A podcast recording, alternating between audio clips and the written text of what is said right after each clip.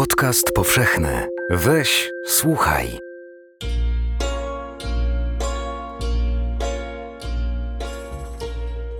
Spośród moich dziecięcych fantazji najbardziej lubiłam melodramat o tym, jak przypadkiem dowiaduje się, że dr Anger jest w rzeczywistości moim prawdziwym ojcem. Że miał przelotny związek z moją matką, która wtedy przygotowywała dla pani doktorowej śnieżną babkę z bitą śmietaną. Spędzałam przed lustrem długie godziny, doszukując się we własnych rysach podobieństwa do Adeli, żeby marzenie mogło stać się ciałem. To było śmieszne. Ja i Adela to niebo i ziemia. Adela jest blada i na wpół przezroczysta, z obłokiem blond włosów, cienkich jak puch, delikatna niczym śnieżna babka, wrażliwa i skora do łez.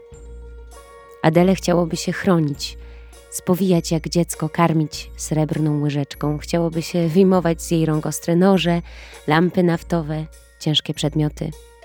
Chciałoby się zasłaniać jej oczy i uszy, kiedy dzieje się coś, co może ją przestraszyć albo zasmucić. Ja, Stefania Czorneńko, jestem żylasta, smagła i bystra, mocna jak chłop. Zupełnie nieładna. Ładne mam tylko włosy. Lśniące, mocne i proste. W cieniu ciemne jak kora drzewa, w słońcu połyskujące miedzianymi iskrami. Jeśli ich nie zaplotę, przypominają drogocenną materię jedwabną albo wodospad z oliwy. Grzech mówić, ale nieraz widziałam, jak Petro im się przygląda. Zresztą wcale się z tym nie krył. Petro to artysta, żyje w świecie obrazów i konturów, w fakturach, pozach i załamaniach światła. Przygląda się grudkom ziemi, okruchom szkła, kałuży rozlanej nafty, a najuważniej zmarłym, dla których robi pomniki. Chociaż nie. Najuważniej Adeli, dla której jeszcze za życia wzniósł mauzoleum. Sofia Andruchowicz, Felix Austria. Fragment w przekładzie Katarzyny Kotyńskiej.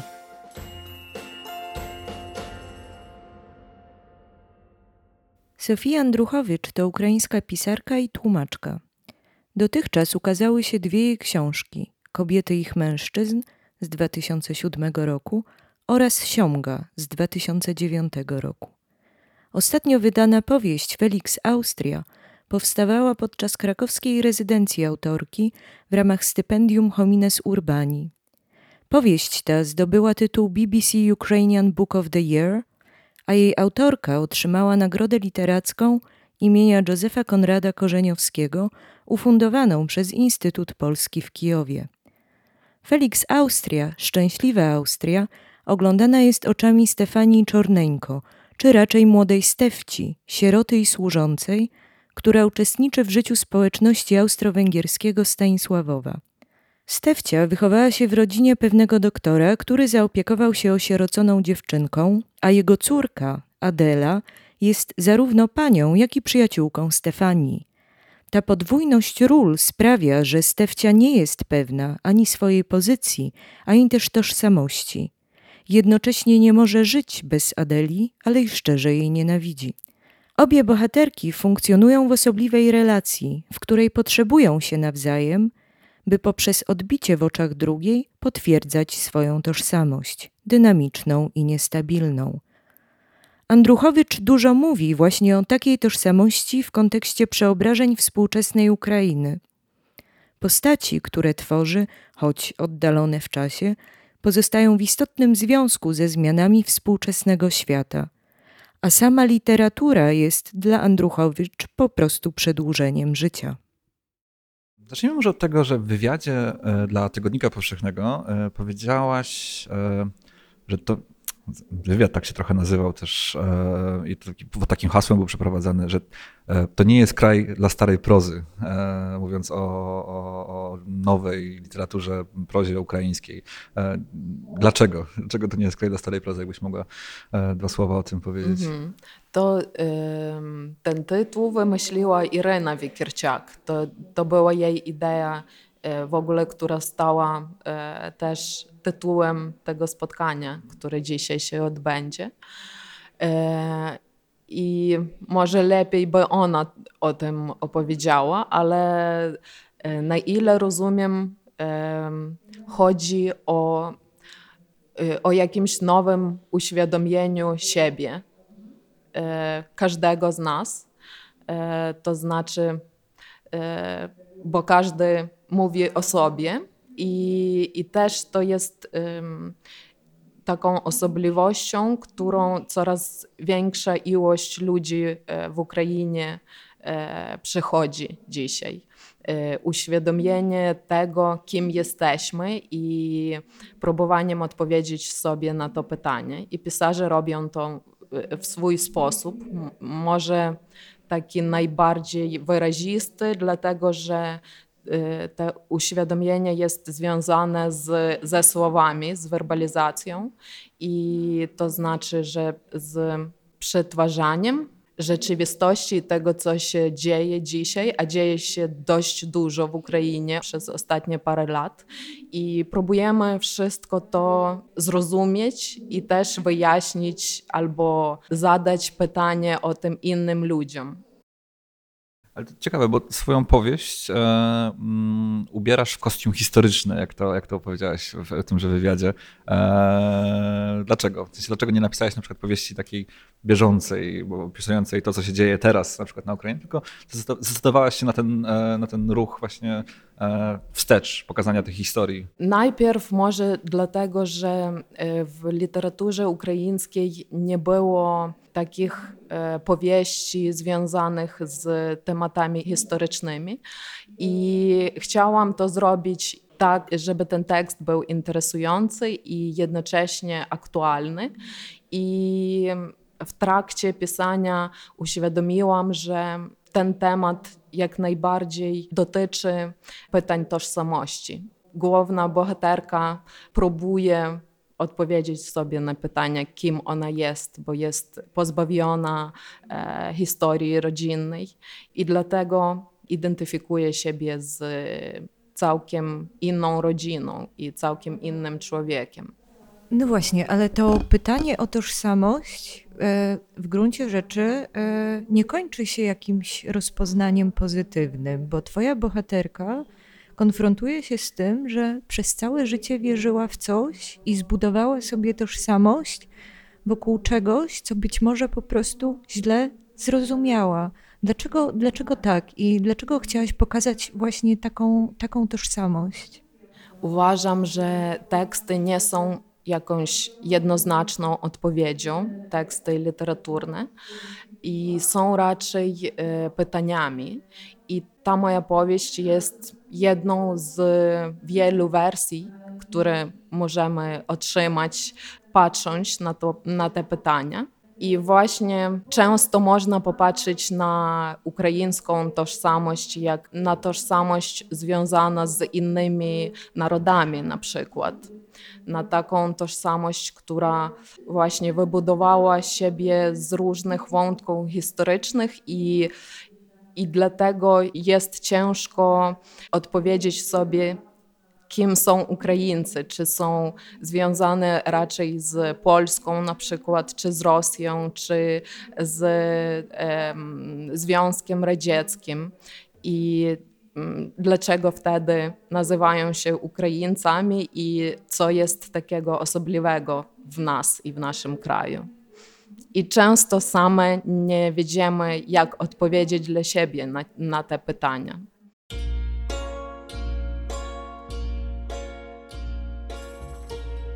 Stanisławowa nie da się porównać ani do Mrowiska, ani do Ula, ani do Pajęczyny. U owadów wszystko jest uporządkowane i zrozumiałe, wszystko ma przyczynę i skutek. Tym mieście też są przyczyny i skutki, ale tak mocno splątane w chaotyczny kłębek przypadkowości, że nie sposób doszukać się tu jakiejkolwiek logiki. Pierwsza lepsza dzielnica jest labiryntem krętych uliczek, często tak wąskich, że nie każdy krągły dobrodziej czy potężna gospodyni z bujnym biustem są w stanie się przecisnąć. Za taką zatęchłą norą, która zdawałoby się lada moment musi skończyć się ślepym zaułkiem, niespodziewanie rozciąga się placyk. Albo przeciwnie. Idziesz naprzód ulicą i ni tego nizowego wpadasz na ścianę domu stojącego dokładnie po środku, do tego pod jakimś przedziwnym kątem, w dodatku na przykład na wpół spalonego i jeszcze za starym sadem, kapustą w ogrodzie i krową pasącą się naprzeciw pracownika pelusznika. Sofia Andruchowicz, Felix Austria. Fragment w przekładzie Katarzyny Kotyńskiej.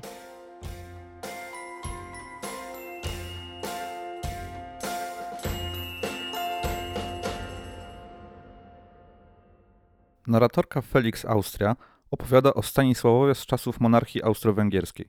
Jest rok 1900. Za chwilę odbędą się obchody 70. urodzin cesarza Franciszka Józefa. Znany Polakom mit Galicji mógłby w tych warunkach znaleźć doskonałą reprezentację, ale nostalgiczno-sentymentalne oczekiwania nie zostaną zaspokojone.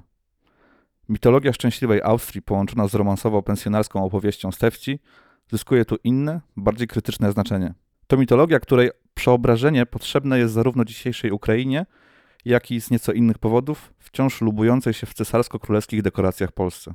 Mówisz o e, kontekście swojego kraju, Ukrainy, a ja myślę też, że to jest em, bardzo ważna książka dla polskich czytelników, także e, dlatego, że osadzasz e, swoją historię w rzeczywistości, a w zasadzie bardziej w pewnym micie Austro-Węgier.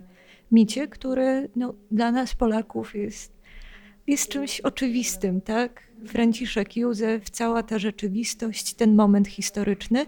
Ty natomiast ten mit konsekwentnie rozbijasz i podważasz i pokazujesz, że to wcale tak nie było, tak? Że był jakiś Tak. mit, Mhm. ale on istniał po coś. Czy chciałaś jakoś tak, no nie wiem, wbić szpilę w takie myślenie e, właśnie mityczne? Chciałaś pokazać, że rzeczywistość jest jednak inna? Chciałam i chciałam właśnie trochę e, skrytykować ten mit, e, dlatego że zwłaszcza na Galicji e, on jest e, zbyt słodki często i dlatego istnieje brak krytyki do siebie samych i e, brak dystansu do siebie. Ale też okazało się, że nie wszyscy w Ukrainie na przykład e, zrozumieli, że, że to była e, taka dekonstrukcja tego mitu.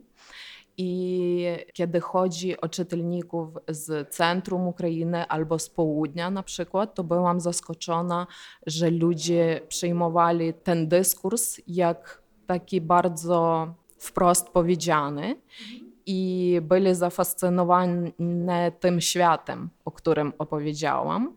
I dla nich często też było coś bardzo nowego, e, że kiedyś część Ukrainy należała do takiego świata. I te nowe odkrycie zrobiło też e, na nich wrażenie, że zaczęli siebie kojarzyć e, Z tym mitem? tak, z tym mitem, ale w takim sensie pozytywnym, bo e, pozytywna interpretacja tego mitu jest potrzebna, właśnie ten mit jest potrzebny dla takiej e, innego poglądu na właśnie na związek, na skojarzenie siebie z e, radzieckimi, e, z radzieckim dyskursem. Ja myślę, że mamy coś bardzo podobnego w Polsce.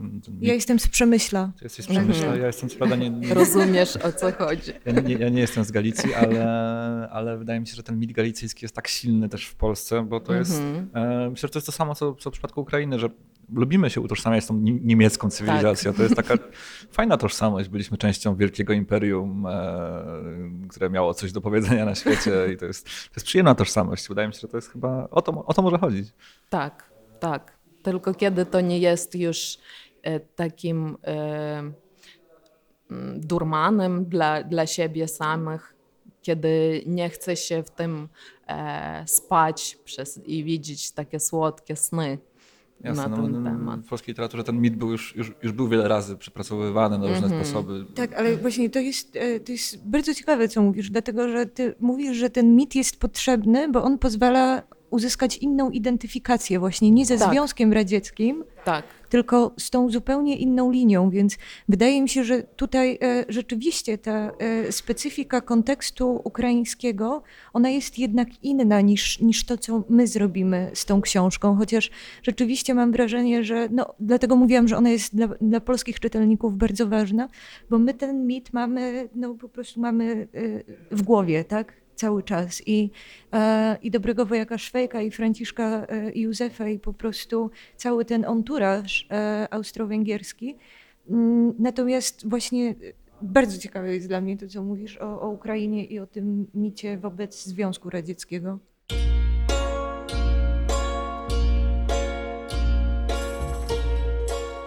W zeszłym tygodniu nasze miasto uroczyście obchodziło 70. rocznicę urodzin cesarza Franciszka Józefa I. Już na długo przed tym doniosłym dniem zaczęto dekorować miasto kwiatami i flagami, więc szybko zyskało ono niezwykle uroczysty wygląd. Obchody, które przebiegały pod kierownictwem wiceburmistrza, pana doktora Konkolniaka, rozpoczął muzyczny korowód z udziałem Orkiestry Kolejowej Harmonia, Stanisławowskiej Ochotniczej Straży Pożarnej, z Knianina Kolonii, a także całego tłumu mieszkańców miasta. Pochód wyruszył spod koszar o 8.30 wieczorem i przeszedł ulicą Sapieżyńską, gdzie zatrzymał się przed budynkiem starostwa. Potem ruszył koło restauracji Krona, ulicami Sobieskiego, Gołuchowskiego i Ssakowicza Lipową, postój generała Bojenburga i feldmarszałka porucznika Maloweca i w tym właśnie miejscu przyłączyliśmy się my. Adela w wąskiej jasno-błękitnej sukni z wysokim stanem, cukrowo-słodka od wody fiołkowej, Petro, nieco rozdrażniony i niechętny tego rodzaju wydarzeniom, i ja z małym znajdą, co siedział u mnie na rękach jak tresowana małpka i w skupieniu kręcił palcami kosmyk moich włosów. Tłum wciągnął nas niczym rzeka i poniósł w górę lipową ku budynkowi biskupstwa. Sofia Andruchowicz, Felix Austria. Fragment w przekładzie Katarzyny Kotyńskiej.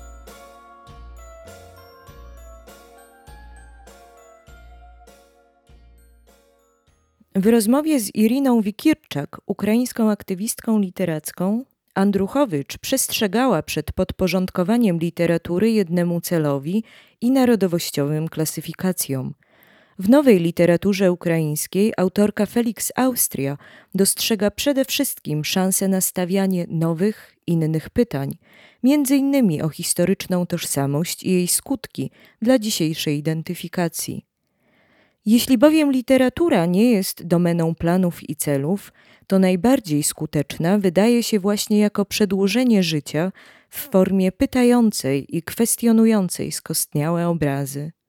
Podobało mi się to, co w, w tym wywiadzie powiedziałaś na temat e, tego, że literatura ukraińska właściwie niczym się nie różni od literatury polskiej, poza tym, że jest e, trochę bardziej zintensyfikowane niektóre elementy związane właśnie z, e, z toczącym się konfliktem na, na, wschodzie. Jakbyś mogła rozwinąć Mhm. trochę ten wątek?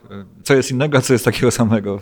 Jak ty to widzisz? Ем, Może raczej niestety literatura ukraińska nie jest na tyle rozwinięta jak polska, bo mamy trochę inną, albo w, w pewnych momentach nawet e, e, bardzo inną historię i e, kiedy literatura ukraińska zaczynała się rozwijać, na przykład w 20 latach, na początku albo na początku e, XX stule, stulecia, kiedy zaczął się modernizm rozwijać i to przetrwało może jakieś 15 lat i potem e, znowu zaczęło się wszystko e, łamać i e, od tego momentu e, i do lat 90. ukraińskiej literatury prawie nie było. I dlatego nie mieliśmy tyle szans jak literatura polś- polska rozwinąć różne gatunki. Dziękuję. I wszystko to się działo bardzo sporadycznie i jakoś e, chaotycznie. I właśnie teraz też bardzo dużo jestem w, w tym chaosu, ale też to może daje jakieś nowe możliwości, bo e, pisarze uświadamiają sobie, ile jest wszystkiego do zrobienia i jak można dzisiaj e, w kontekście te, tego, co się dzieje w Ukrainie, jak można zastosować, przystosować te gatunki i e, zrobić coś starego po nowemu, e, coś takie jak mm, co jest już dawno u was wiadome, na przykład reportaż, czy nie wiem, nawet kryminał, jak można to zrobić po ukraińsku. To jest takim wyzwaniem i nie wiem, cie, takim ciekawi, ciekawym, interesującym zadaniem dla siebie samych.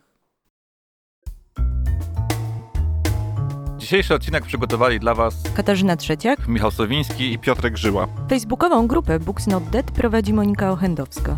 Naszą promocją zajmuje się Patryk Stanik. Podobał się Wam odcinek? Koniecznie napiszcie nam o tym w komentarzu. A może nie zgadzacie się z czymś, albo chcielibyście coś dodać? Też koniecznie dajcie znać. Cały czas czekamy też na Wasze pomysły i sugestie. Możecie nas słuchać przez iTunes, TuneIn, Stitcher lub w innych agregatach, z których lubicie korzystać. Jeśli nie ma nas tam, gdzie chcielibyście nas słuchać, dajcie nam o tym znać w komentarzach.